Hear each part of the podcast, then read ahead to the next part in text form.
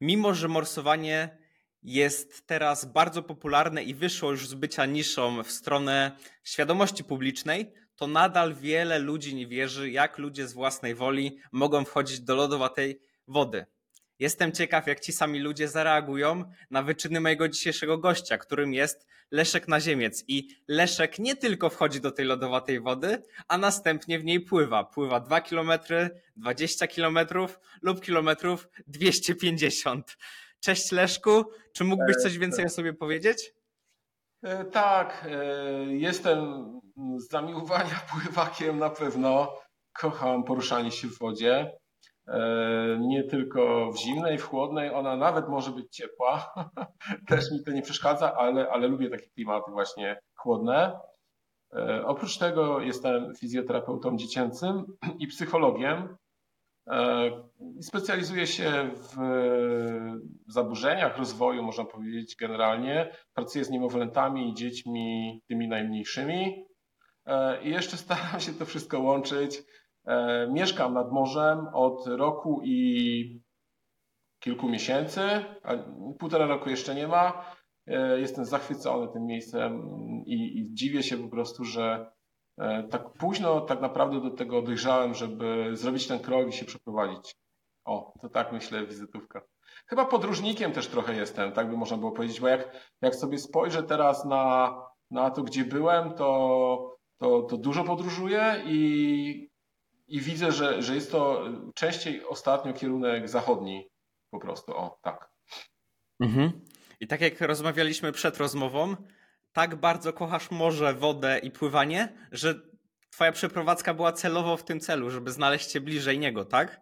Tak, e, no tutaj wracając może do dzisiejszego poranka, bo jechałem do pracy i miało być zupełnie ciemno, bo jechałem na siódmą rano, ale była pełnia księżyca więc e, no nie dałem rady i po drodze pojechałem na plażę, e, właściwie pobiegłem z auta w Dziwnowie, żeby zobaczyć jak to wygląda i wyobraźcie sobie, że ten księżyc rozświetlił praktycznie całą powierzchnię morza e, na srebrno, także no zupełnie, zupełnie bajkowo. Do tego był taki szum ale nie taki groźny, jak, jak bo niedawno był Orkan przeszedł, też było wspaniale w ogóle, to było coś cudownego, ale teraz, teraz to może było takie bardziej spokojne i przypominało taki tak naprawdę taki tropikalny wieczór, gdzieś, gdzieś e, w takich okolicach podzwrotnikowych, aczkolwiek było troszeczkę chłodniej.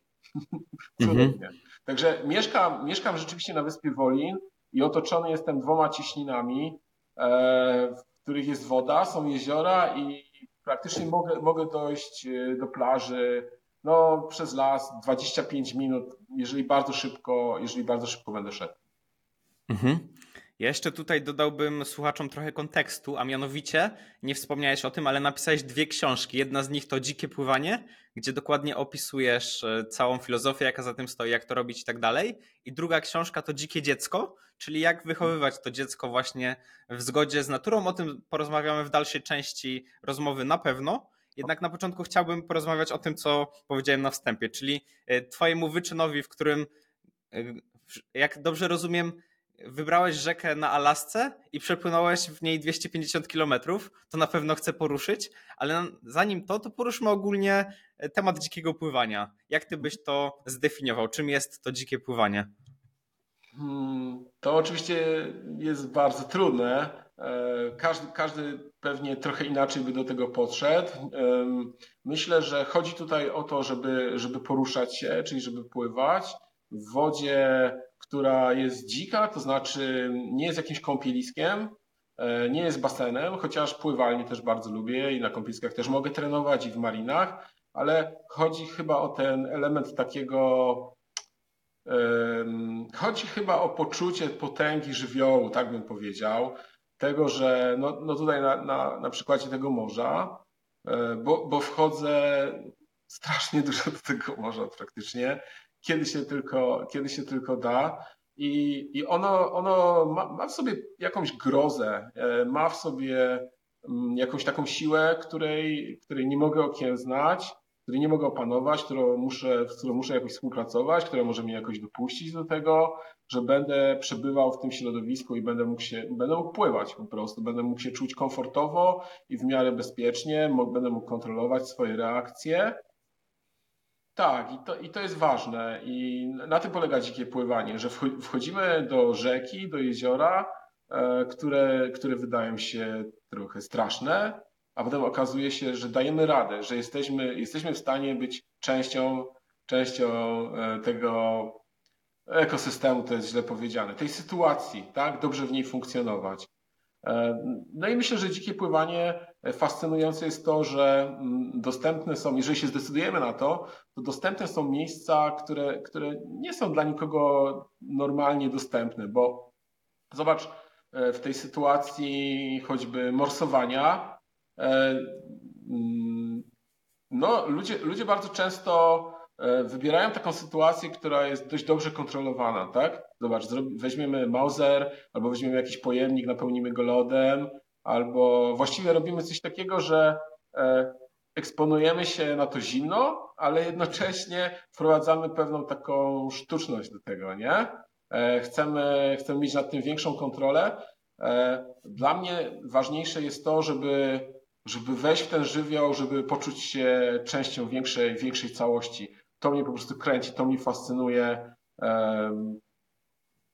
tak, no myślę, że to, to jest coś takiego najważniejszego. I jeszcze bym powiedział jedną rzecz, że mm, bardzo ważny jest ten moment dla mnie, kiedy wchodzę do wody i moje stopy odrywam od, od podłoża. I wtedy wiesz, nie masz tej podstawy, nie stoisz, nie jesteś uziemiony, e, więc jakby tak tracisz, tracisz takie, takie naturalne poczucie bezpieczeństwa, które ma, wynika z tego, że po prostu stoisz, że jesteś w jakiejś przestrzeni ograniczonej i w tym momencie musisz tą, tą pewność, y,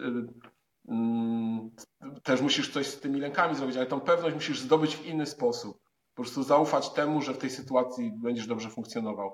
Przepraszam, że tak długo się rozgadałem, ale ja sobie sam też to muszę definiować, o co mi tak naprawdę chodzi, prawda? Co mnie tak mhm. fascynuje i co mnie tak pociąga i trochę przeraża w tym jednocześnie. Mhm. Nie, to, że się rozgadujesz jest jak najbardziej tutaj mile widziane i cieszę się, że tak właśnie do tego podchodzisz. Ja też jak tak myślę o tym dzikim pływaniu, to zauważam w tym duży plus tego, że jesteś w całkowitym kontakcie z ziemią i dosłownie się uziemiasz, bo tak nagrywałem jeden podcast cały na temat uziemiania i na mhm. przykład jeżeli pływamy w sztucznym zbiorniku, który jest, gdzie woda jest otoczona jakimś izolatorem, mhm. to tak w zasadzie nie mamy tego połączenia z ziemią, że jednak mhm. nie, nie, nie, nie, nie mamy do czynienia z uziemianiem, a kiedy zbiornik jest naturalny, to jednak inaczej to po prostu działa, jeżeli chodzi o to uziemianie. Tutaj za bardzo się trochę E, w to poszedłem, bo nie jestem w stanie tego zdefiniować naukowo, nie, ale czy ty wiesz wiem, o co... ci chodzi? Wiem o co ci chodzi i to, to nie jest jakaś moja krytyka na przykład tego, bo e, no bo ktoś będzie, ktoś może powiedzieć, że e, a no to w takim razie może pobijanie rekordów morsowych, bo ono jest teraz popularne w sztucznym zbiorniku, nie wiem, na środku, na rynku na przykład, nie wiem, w Krakowie czy gdzieś no to może być trochę bez sensu, no bo brakuje, właśnie ten kontekst jest taki zupełnie inny, prawda? Jest to, jest to konkretnie jakieś widowisko, które, które robisz, wyrywasz z jakiegoś takiego kontekstu naturalnego i, mm, a, no, i, no i właśnie mi tego brakuje. I to mnie, to mnie nie kręci, a kręci mnie to, i że, że mogę wejść do morza. Tutaj e, no, powiem to. E, w Międzyzdrojach też będzie jakaś impreza teraz robiona, gdzie będą pobijane rekordy. I dla mnie dla mnie tylko, prawda? To jest takie osobiste. To jest trudne do zrozumienia, że właściwie w Międzyzdrojach, gdzie jest no, piękny dostęp do morza, coś się będzie działo jakby nie w tym morzu, nie? Nie na tej plaży, nie w tym morzu. Ci ludzie nie, wej nie wejdą tam, nie podłączą się, nie? Po prostu do tego, do tego żywiołu, tylko mm, skonstruują sztuczną sytuację. Tak? Ja nie mówię, że to jest, że to jest złe, tylko dla mnie to jest po prostu E, abstrakcyjne. Dla mnie to jest abstrakcyjne, nie? Ale, mhm. ale czemu nie? Dlaczego nie? Mogę robić wszystko, co chcę. W każdy sposób, jak chcę, prawda? Przecież na tym polega nasza wolność, nie? Mhm. Tak, ja, ja zauważam plusy obu rozwiązań, bo jednak myślę, że osobom, które tworzą to sztuczne środowisko, zależy bardziej na samym obcowaniu z zimnem. Mhm. Tobie chodzi o coś więcej, chodzi o to połączenie z naturą. Właśnie też myślę, że zdążymy poruszyć pod koniec ten temat wrócenia i zwrócenia się w stronę natury i powrócenia do życia w zgodzie z nią. O tym na pewno też porozmawiamy. A powiedz mi, czy w ogóle to, co ty robisz, to dzikie pływanie, czy to jest morsowanie, czy to można nazwać morsowaniem? Bo tak na przykład e, w twoim wyczynie na Alasce woda miała tak okolice 15-20 stopni, tak, czy się tak. mylę? Ona, ona tam miała, najmniej miała 12 stopni, to po prostu były takie dopływy, które, które były chłodniejsze, ale przez to, że dzień trwa bardzo długo, trwa praktycznie cały czas, e, już od pewnej tam wysokości oczywiście, e, no to ta woda się, ta woda się szybko nagrzewa i nie można ją nazwać zimną wodą. Zresztą no, mówię, to jest chłodna woda, prawda, czy tam jakaś. Natomiast e, trzeba, trzeba też zwrócić uwagę, że e, jeżeli wykonujesz wysiłek, czyli no, tak naprawdę wydatkujesz bardzo dużo energii i trwa to no, bardzo długo, no bo jednak 4,5 dnia płynąłem praktycznie od rana do wieczora, E, to, to to powoduje, że nawet taka temperatura wody 16, 17, 18 stopni powoduje, że, że, to, że, ty, że ty wpadasz w hipotermię. Że to jest kwestia czasu po prostu i zmęczenia i ta jednak, jednak ta woda robi się chłodna. E, I powiem Ci szczerze, że jeżeli by ta woda miała takie stabilne 14,5 na przykład i miałbym w niej płynąć 4,5 dnia, to, to nie jestem pewien, czy prawdopodobnie z hip, właśnie z powodu hipotermii bym tego nie dał rady zrobić. Tylko kwestia jest po prostu długości wysiłku.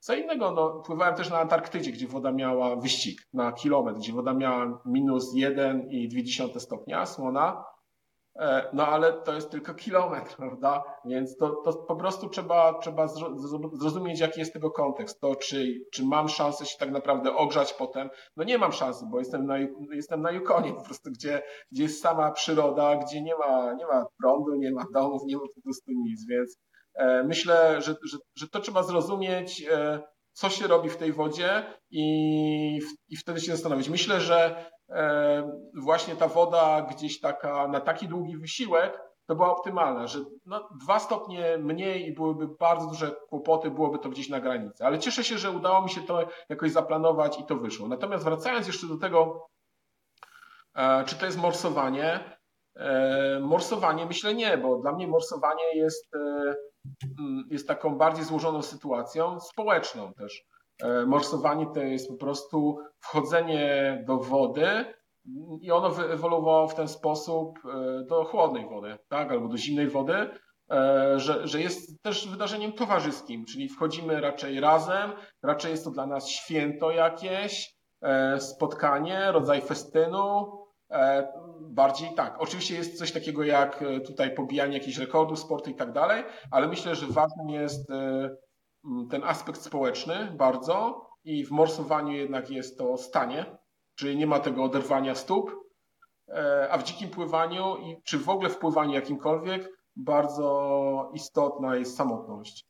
E, jest się po prostu samotnym, wyizolowanym ze świata społecznego bardziej lub mniej, ale raczej bardziej Mm, I to jest bardzo podstawowe doświadczenie, czyli hipotermia, poruszanie się ruchem pływackim i samotność w tym środowisku wodnym. Morsowanie, morsowanie też nie musi być w środowisku wodnym, więc myślę, że e, są wspólne sprawy, ale, ale tak naprawdę to nie jest to samo. Mhm. Zaczęliśmy mówić o tej temperaturze w przypadku Twojego wyczynu, gdzie, gdzie, tam było około, można powiedzieć, 15 stopni, jakby to była jakaś ciepła woda, a nie, to jest nadal bardzo zimna woda. Tak, jeżeli byśmy puścili sobie najzimniejszą wodę, jaka jest w kranie, to nadal myślę, że byłaby cieplejsza to woda niż ta, w której Ty pływałeś, więc dodając taki szerszy kontekst, to nadal była bardzo zimna woda. A powiedz mi w ogóle, dlaczego zdecydowałeś się uprawiać taki, można powiedzieć, sport. Nie wiem, czy to można nazwać sportem. Chyba tak. Kiedyś wcześniej mm, próbowałem różnych sportów e, i potrzebowałem w ogóle długiego wysiłku jakiegoś. Najlepiej, żeby on był związany jakoś z przyrodą. Tak to czułem. i już tam nie wchodząc w jakieś tam pre, ale też bardzo dużo biegałem w młodości, chyba tak, bo już nie jestem, powiedzmy, jestem w wieku średnim. I no i to, i przy, miałem taki moment w 2007 roku bodajże to było, że przebiegłem 100 maratonów. No i e, klasycznych. No i tam jeszcze, jeszcze Ironmany, jakieś triatlony po drodze, e, biegi na nartach, łącznie z biegiem wazów e, w Szwecji na 90 kilometrów, ale też e, no, czułem, że, że dość dużo zużytkowuję energii, na to bieganie, ale że właściwie już nic z tego nie wynika. Ja tam przebiegłem w ostatnim roku 24 maratony, czasy jakieś takie, bo też, też jest istotne, taki najlepszy czas to 3,33, ale tak, na, tak w 4 godziny, w 3,50 to mogłem biegać maratony dwa razy w tygodniu i nawet zakwasów nie miałem. Ale, ale przy jakiejś takiej wadze mojej stałej 94 kg no mogę sobie tak biegać, ale też stwierdziłem, że no, zaczyna mnie to po prostu nudzić. I szukałem czegoś, szukałem czegoś innego. Też pamiętam taki moment, że biegłem taki maraton mm, w Beskidach czeskich i on był bodajże 2 albo 3 maja.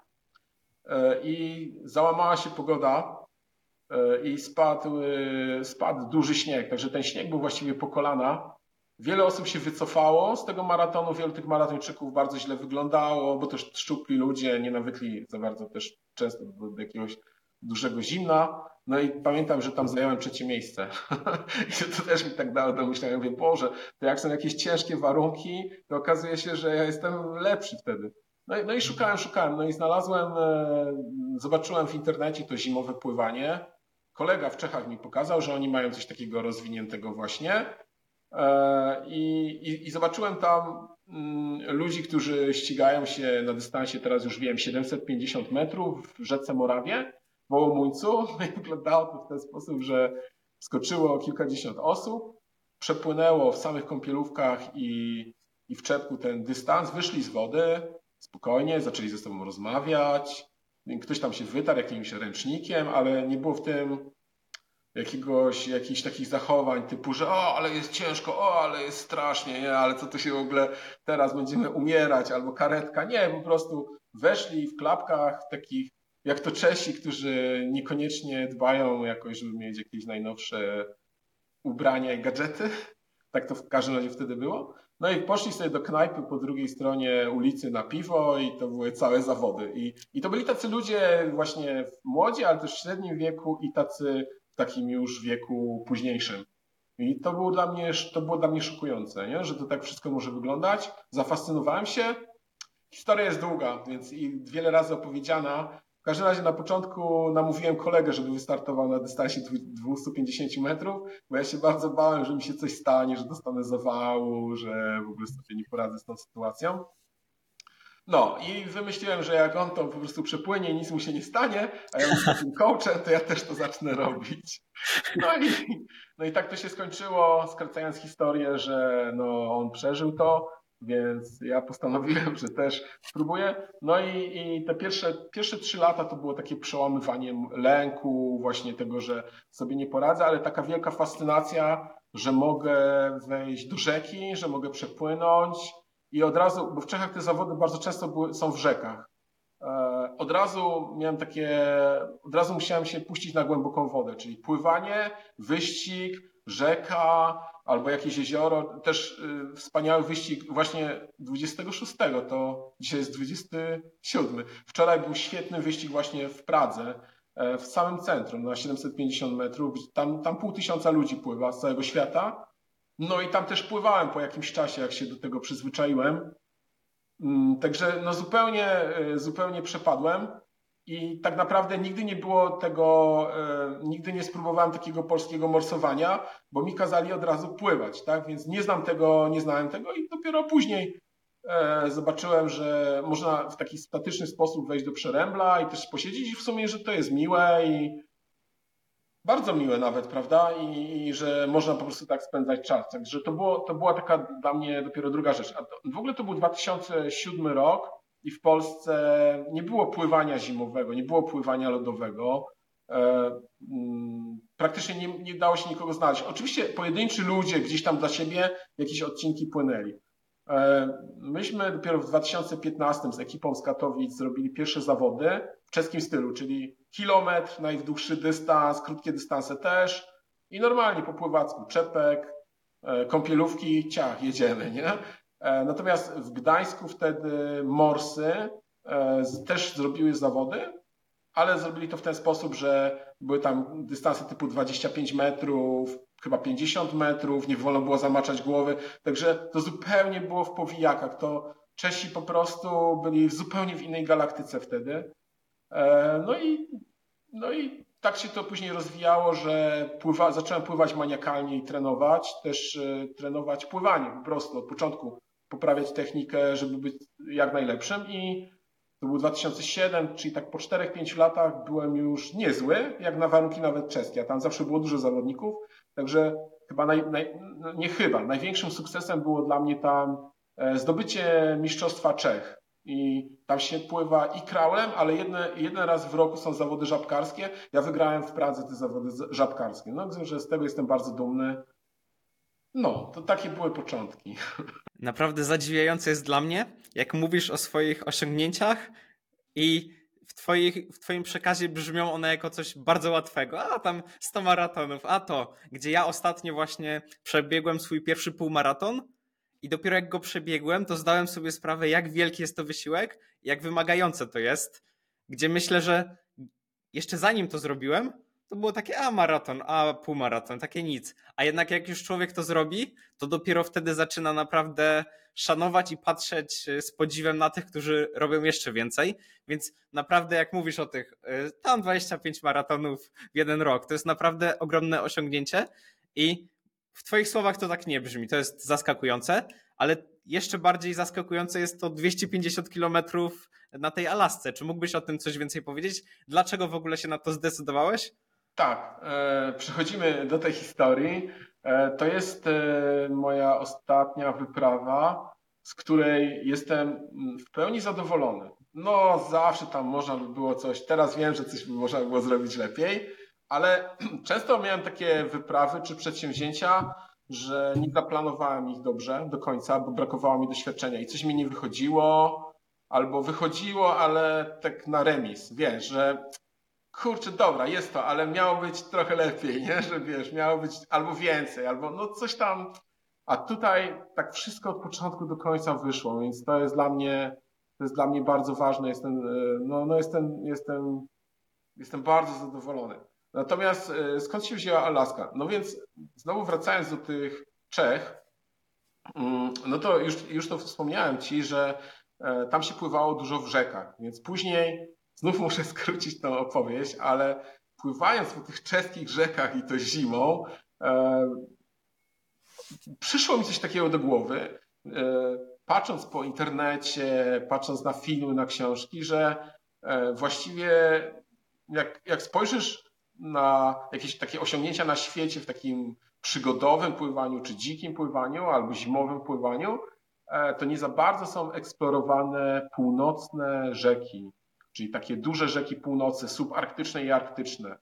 No i mm, od razu przyszła mi do głowy, że kurczę, najlepiej to by było po prostu pojechać na Alaskę i wiesz, skoro e, potrafię przepłynąć ileś na Wełtawie, na, na różnych innych, Łabie, ale na różnych innych rzekach czeskich odcinki, no to jak się wytrenuję, bo jeszcze nie byłem tak wytrenowany do pływania rzecznego, no to najlepiej to po prostu Yukon, bo Yukon to od razu wiadomo, wiesz, jest, jest no po prostu najdalej, jest ta historia, która też jest ważna, Klondike, czyli Klondike, czyli gorączki złota. Wszyscy wiedzą, że to, że to było ciężkie, że to było daleko, że to była dziewicza przyroda, z którą e, e, no może wtedy ktoś by mówił, e, że trzeba walczyć i tak dalej. Teraz bardziej mówimy po prostu współpracować, nie? Więc e, to, to był taki wielki mit, który gdzieś tam mm, zadziałał, wiesz, pewnie jakieś westerny, jakieś filmy, bajki, nie wiem, jeszcze przed z młodości. No i z tych czeskich rzek e, pomysł był taki, żeby do tego podejść racjonalnie, czyli dobra, to najpierw Polska, no a w Polsce co? No to trzeba spróbować troszkę potrenować w Wiśle. No i e, mówię, dobra, no to potrenuję trochę w Wiśle, nabiorę takiego doświadczenia, jak się nawiguje, jakie są przeszkody, no bo nie, po prostu nie wiem nic, nie? I jak na tej Wiśle potrenuję, no to pojadę na Alaskę. No ale jak wpadłem, e, wpadłem, jak z kolegą Łukaszem Tkaczem spróbowaliśmy przepłynąć kawałek Wisły za Warszawą, startując dokładnie z, za mostem Marii Curie czyli od razu jak się kończy ostatnie osiedle i w wozie, woda właśnie miała 12 stopni, 11-13. E, przepłynęliśmy w sumie 30 kilometrów. E, I okazało się, że jest pięknie i dziko, że wiesz, kończy się Warszawa i nagle są jakieś klify piaskowcowe, że jest kampinos, że jest ptactwo, no zaczyna być tak dziko, że nie ma ani jednej osoby na tej rzece, po prostu nie było nikogo, nie? I płyniesz i nagle, no jesteś w tej hipotermii, która jak wiemy jest bardzo sympatyczna, tak? Lekka hipotermia, lekki rausz. I mówię, Boże, nie, jaka ta Wisła jest świetna, no to dobrze, to ten Yukon niech będzie, ale najpierw trzeba czasnąć tą Wisłę. No i nie będziemy mówić pewnie o Wiśle, ale myśmy z Łukaszem przepłynęli Wisłę od Goczałkowic, bo tam się da płynąć do Bałtyku. W etapach dołączali ludzie i to jest historia, to jest Odyseja sama w sobie. No i po tym przepłynięciu Wisły um, zacząłem planować Yukon. 2000, czy tam w trakcie pływania Wisły 2017, 18, 19 mocno o tym myślałem i stwierdziłem, że nie dam rady organizacyjnie, e, bo po prostu, no bo tam jest dużo gryzli, niedźwiedzi. Jak są gryzli, e, no to no to trzeba by mieć pewnie broń albo jakiegoś przewodnika, jeśli się coś stanie, no to jest tylko samolot albo helikopter, który musi, nie wiem, no straszną odległość, nie wiem, tysiąc kilometrów e, przelecieć, żeby, no na przykład z Fairbanks, dokładnie, nie? tysiąc kilometrów, żeby, żeby wziąć nas, ewakuować i stwierdziłem, że, że a jeszcze, jeszcze wizy może, a może jeszcze tam coś, że to jest nie do zrobienia i że nie znam tego Yukonu, nie mogę sobie potrenować w nim, tak, że pojadę i muszę płynąć. No i stwierdziłem, że e, zamiast tego można po prostu dużą syberyjską rzekę przepłynąć i padło na Lenę. Też podobnie, czyli też długa rzeka, ponad 3000, ponad 3000 kilometrów, wpływa, wpływa w Arktykę, jest zupełnie dziko. E, jest to Jakucja, więc strasznie się nakręciłem na Jakucję. No ale najpierw była pandemia i nie dostałem po prostu wizy, choć dużo rzeczy miałem zorganizowanych. Później e, wybuchła wojna, wybuchła, czy zaostrzyła się, zaostrzył się konflikt e, rosyjsko-ukraiński, więc praktycznie e, musiałem to z tym pomysłem, no musiałem go w ogóle wycofać. No i wtedy powróciłem do Yukonu, że kurczę, no to może trzeba wrócić i spróbować pływać Yukon. W międzyczasie ja przepłynąłem kilka takich przepraw, które które zrobiły też robotę w mediach. Tam była Antarktyda, było jezioro Titicaca, różne takie rzeczy. E, I w związku z tym e, mm, no, zwiększyły się moje możliwości organizacyjne, tak to powiedzmy. E, Tomasz Woźniczka, operator i reżyser, zaproponował, że czy chciał nakręcić dokument na duży ekran który zresztą już jest kończony i kręcił go właściwie 4 lata. I w związku z tym, że, że dostał dofinansowanie z Polskiej Akademii Sztuki Filmowej na ten, na ten dokument, to, to znalazło się trochę pieniędzy też na wyprawę, że tak jakby, no, jak, jeżeli jadą filmowcy, no to muszą mieć jakieś auta, żeby gdzieś pojechać, muszą mieć bilety, muszą mieć jakieś jedzenie, więc, E, no po prostu udało się zmniejszyć koszty, bo połączyliśmy siły, tak to nazwijmy.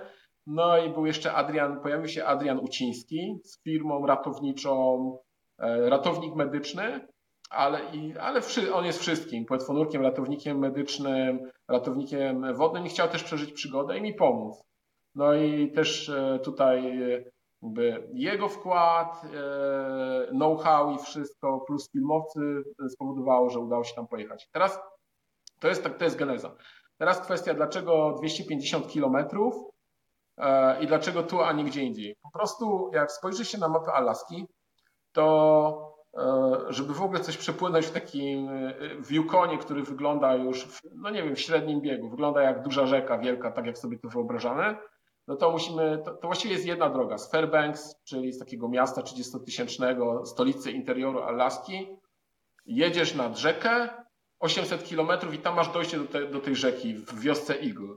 I potem druga, drugie miejsce, gdzie możesz wyjść z rzeki jest 250 kilometrów dalej, czyli e, właśnie w Circle. To już jest taka wioska Atabasków, czyli ludności rdzennej. Zresztą i w Eagle i w Circle żyje tylko około 80 osób. No i tyle, i trzeba to po prostu przepłynąć. Nie ma możliwości, że wiesz, że, wy, że wypłynie jakoś tam e, nagle powiesz po 10 kilometrach, że Anto to jednak nie. No po 10 to by się jeszcze przedarł, ale po 50 to trzeba też e, e, pomyśleć o tym, że tam nie ma, nie ma dróg i że latem tak naprawdę nie możesz tam chodzić, że pójdziesz od tej rzeki i będziesz szedł 100 kilometrów, bo to są bagna, to są tereny nie do przejścia. E, generalnie był taki mm, bardzo znany taki film, książka, zapomniałem tylko dokładnie tytuł, Wszystko za życie, no jakoś tak, że chłopak tak naprawdę postanowił żyć na Alasce i biwakował w autobusie, który był bardzo blisko drogi, normalnego highwaya, no i rzeka wezbrała, nie, nie był w stanie już z tego autobusu wyjść, dojść do drogi, no i tak się skończyło jego życie. A był tak naprawdę bardzo, bardzo blisko na tej Alasce cywilizacji. Także jeżeli, jeżeli wiesz, prze, przelecisz gdzieś tam, przypłyniesz, nie wiem, 60-100 kilometrów Yukonem, no to, no to nie ma odwrotu. I, I, myślę, że też to było fascynujące, wiesz, że po prostu trzeba to zrobić. Nie? I to mi tak zelektryzowało. I no ale oczywiście, wiesz, miałem to doświadczenie wiślane, czyli wiedziałem, jak działają wiry w rzece typu Wisła. E, wiedziałem, jak, jak, e, wiesz, jak nawigować, jakie są zagrożenia, no ale teraz nie wiedziałem, jak będzie w tym Yukonie, bo ta skala jest tutaj dużo większa. Oczywiście będę hipotermiczny, ale to jest rzeka 6-7 razy większa niż Wisła. Więc na przykład jak będzie bystrze, czy ono będzie jakieś tak, tak szalenie mocne, że mnie gdzieś rzuci na skałę. Albo wir, który wiem, że się przepływa bez problemu na Wiśle, nawet powodziowej. Taki wir, nie wiem, o średnicy 6-7 metrów, one w ogóle nie wciągają, nie? Ludzie myślą, że to wciąga, ale to ich chyba lęki wciągają i brak umiejętności. No ale tam może być dużo większy wir, prawda? I co się wtedy wydarzy? Więc no to, to było wszystko to było wszystko niewiadomą I, i powiem Ci, że jak stanąłem nad rzeką, to, to byłem w dużym stresie. E, okazało się, e, że, że ten Yukon, no było takie, właśnie w samym Eagle było takie wąskie gardło, że to była taka strasznie mocna rzeka, szybko płynąca pomiędzy górami, ale potem ona była bardzo podobna do Wisły w sensie takim, że ona działała tak jak Wisła, tak wiesz, ta cała, nie wiem, hydrodynamika, natomiast to były takie Wisły obok siebie ułożone, jakby jedna Wisła, druga, trzecia, czwarta, piąta, szósta Wisła z różnymi wyspami, warkoczowo, różne prądy i ale mniej więcej tak samo działało, tylko że teraz na przykład jakbyś się chciał dostać do wyspy czy do brzegu, to masz na przykład dwa kilometry albo trzy kilometry i musisz po prostu pływać zygzakami. To wiesz, to jest w ogóle szalone, nie? To jest, to jest szalone.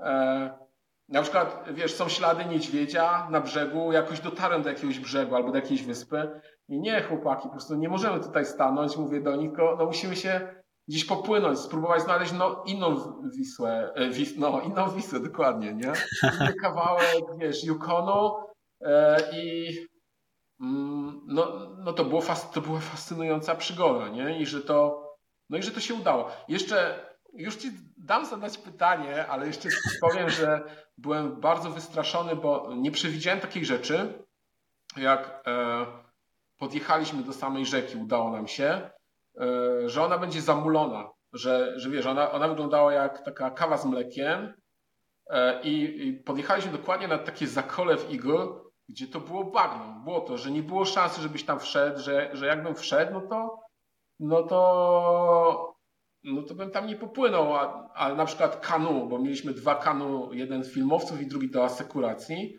Jak to kanu tam ugrzęźnie, no to zaraz będzie koniec. I, i, myśl, i bałem się, że wiele będzie takich miejsc i że z tego powodu ona jest niepływalna dla pływaka. Ale okazało się, na szczęście, że to było tylko takie zakole, że trzeba po prostu unikać takich zakoli e, i trzymać się, wiesz, nurtu, środka. To jest takie no tak się mówi, czytać rzekę. Wiem, że tak górnolotnie brzmi, ale coś takiego jest. Po prostu mieć taką intuicję i przewidywać, gdzie jest jaka woda i tak dalej.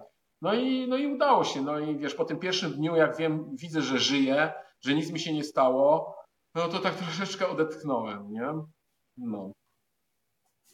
To wszystko, o czym mówisz, brzmi bardzo nieprawdopodobnie i moja wyobraźnia naprawdę wariuje w tym momencie. Nie mogę się już doczekać tego dokumentu i chętnie zobaczę, jak to wyglądało już w rzeczywistości.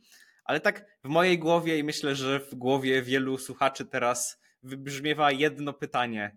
Dlaczego ty to robisz? Jak, co ty z tego wyciągasz? Jak ty się czujesz podczas e, robienia tego typu rzeczy? Skoro nadal słuchasz tej rozmowy, to domyślam się, że jest ona dla ciebie wartościowa. Niestety muszę ci ją przerwać, a to dlatego, że od teraz całe rozmowy będą dostępne tylko i wyłącznie na YouTubie. Za wszelkie niedogodności bardzo Cię przepraszam, ale zależy mi na ciągłym rozwoju tego podcastu i aby miało to miejsce, muszę polegać na monetyzacji, której na Spotify'u nie ma. Mam nadzieję, że nie masz mi tego za złe i rozumiesz moją perspektywę. Co więcej, YouTube pozwala mi na lepszą interakcję z odbiorcami, a to w sposób bezpośredni przekłada się na lepszą jakość kolejnych materiałów. Rzecz jasna, wszystkie rozmowy w całości nadal są w 100% darmowe. W tej kwestii nie zmienia i nie zmieni się nic. Dziękuję i do zobaczenia na YouTubie. Aby znaleźć mój kanał na YouTubie, wystarczy, że wpiszesz Przemek Wójcicki Podcast. Niewątpliwie ukaże się on na początku.